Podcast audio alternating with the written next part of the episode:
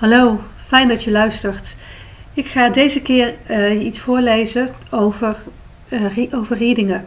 Ik uh, ga vertellen over de eerste reading die ik ooit kreeg en waarom readingen zo speciaal zijn en zo'n sterke genezende werking kunnen hebben.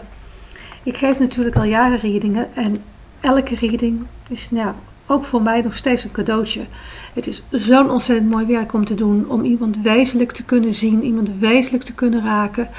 En ja, dat is voor mij nog steeds, elke keer dat ik het mag doen, ja, ontzettend bijzonder.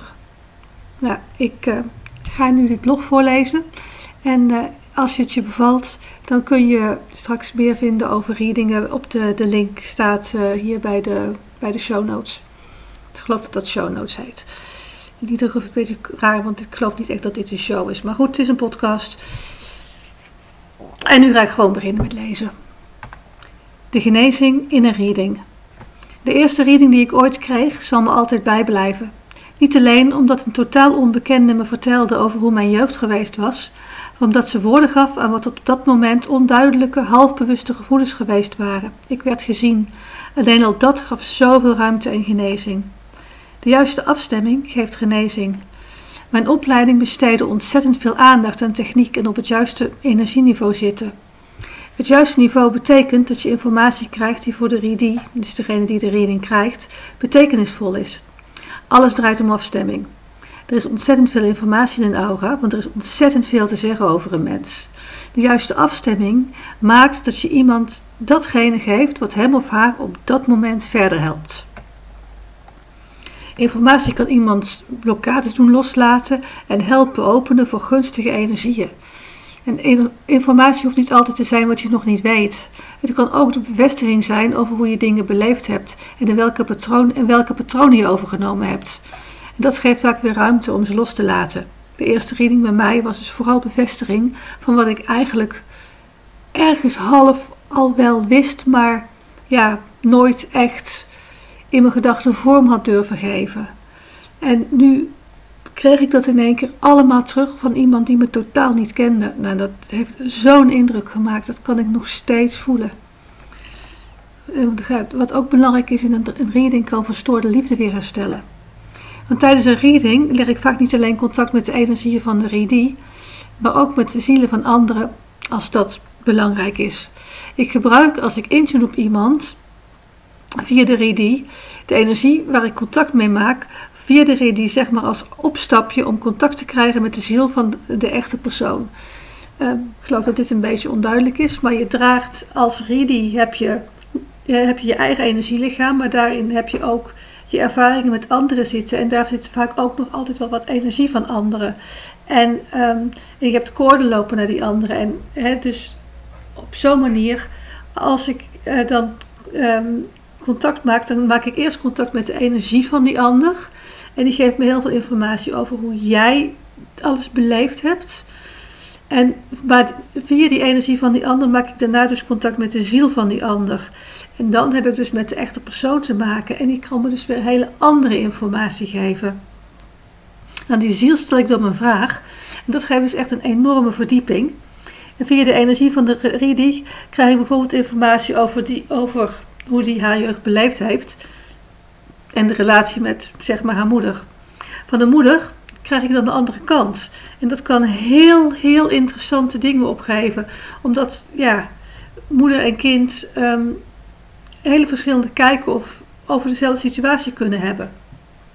Zo zag ik bijvoorbeeld een Rie die als kind het idee had dat ze emotioneel voor haar moeder moest zorgen. En dat is een thema dat ik vaker meekrijg.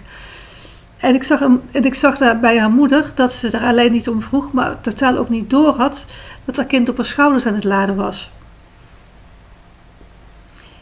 Juist in gezinnen waar niet over emoties gesproken werd, zie ik ouders en kinderen verstrikt raken in ongezonde emotionele patronen die nooit de bedoeling waren.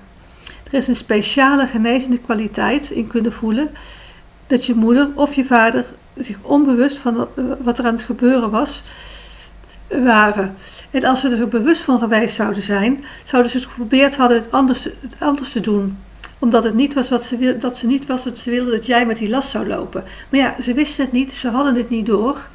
En dus ging het mis. Ik zie helaas ook ouders die wel voorwaardelijke liefde hadden. Hè, wie het kind het juist oppikte van doe dit voor mij of ik keur je af. Maar die zijn gelukkig in de minderheid. Een ander patroon dat ik vaak zie zijn ouders die niet in staat waren en nog steeds vaak, ook als ze nog leven, niet zijn, om contact te hebben, ze hebben met hun eigen emoties en hun eigen hart. En dat dus ook niet door kunnen geven aan hun kinderen. Maar wat onvermogen was van de ouders, wordt door kinderen vaak opgevat als niet goed genoeg zijn om te krijgen. En vanuit een dergelijk gevoel van onwaardig zijn is vaak een hele scheve persoonlijkheid gegroeid. De genezende transformatie die in gang gezet wordt op het moment dat iemand echt kan voelen dat er geen gebrek aan liefde was, maar een onvermogen om die liefdesenergie aan hem als kind te kunnen laten uh, te voelen, om die energie te kunnen laten stromen. Want dat die energie dus letterlijk zeg maar achter de, in het hart zat, maar dat voor het hart die muur was. Ja, dat is echt prachtig om mee te maken. Ja, want dan realiseert iemand zich, oh, er werd wel van mij gehouden. En dat maakt zo'n diep verschil. Dat is echt, ja, zo mooi. En het genezen kan, je het ook genezen, reading kan je ook helpen genezen van pijnlijke overtuigingen. Er gaat heel veel onbewust en onbedoeld. Ook wat als kind vaak net zo onbewust opvat als een verplichting of een afwijzing. En helaas, als je als kind niet krijgt wat je nodig hebt, ontstaat er schade. Het maakt niet uit hoe onbewust en onbedoeld het is. Er was geen voeding waar die wel had moeten zijn. En als je dat gebeurt als kind, ga je jezelf in ongezonde bochten wringen om te compenseren. dan ga je ongezond verdrag vertonen om toch te proberen om te krijgen wat je nodig hebt. En als je dat, zoals zo vaak, je dat niet oplevert, ga je ongezonde dingen geloven over jezelf. Dat, dat je niet waard bent of andere pijnlijke overtuigingen. Zoals het voorbeeld wat ik net gaf. Als de liefde achter wel in het hart zit, maar dat er een muur voor het hart staat, dat de liefde niet kan stromen, dan kun je als kind van alles gaan proberen om die liefde toch maar te krijgen.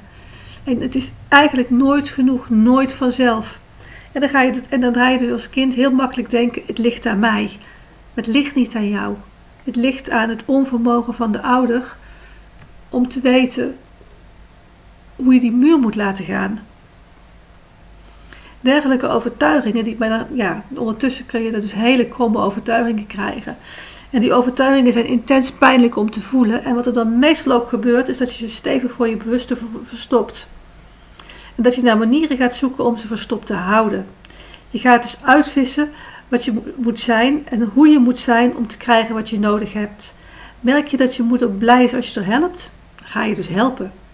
De pleaser is geboren. En zegt dan met dag tegen het goed ontwikkelen van je grenzen. Want nee zeggen en grenzen houden is rechtstreeks tegenin wat de pleaser heeft gemerkt van hé, hey, dit geeft mij aandacht, geeft, geeft mij waardering. Het is niet helemaal, het is niet onvoorwaardelijke liefde, maar het is, het is iets. Onbewust opgenomen verplichtingen los mogen laten is emotioneel genezend en lichamelijk ontlastend.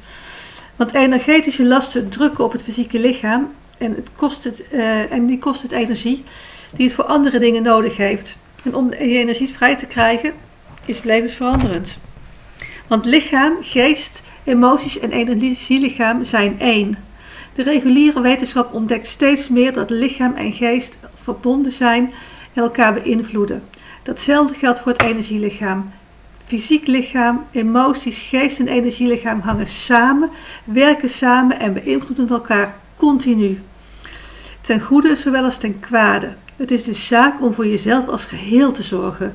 Voor je fysieke, emotionele, mentale en energetische gezondheid.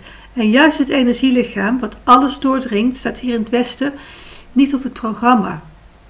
Terwijl hier zoveel informatie te vinden is die van wezenlijk belang is voor jou als geheel. En het is dus echt te belangrijk om te laten liggen. Heb je door het lezen van dit stuk interesse in een reading gekregen? Wil je meer weten? Kijk dan bij de, uh, bij, uh, de, de notes uh, op, de op de pagina van waar je deze podcast gevonden hebt. En wil je een afspraak maken? Nou, dat kan natuurlijk ook. Hè, bel me op 06 128 02897 of stuur een mailtje naar info.hagtessa.nl. Dat is info www.hagetessa.nl Wie weet spreek ik je en anders dan wens ik je een hele fijne dag en tot de volgende keer.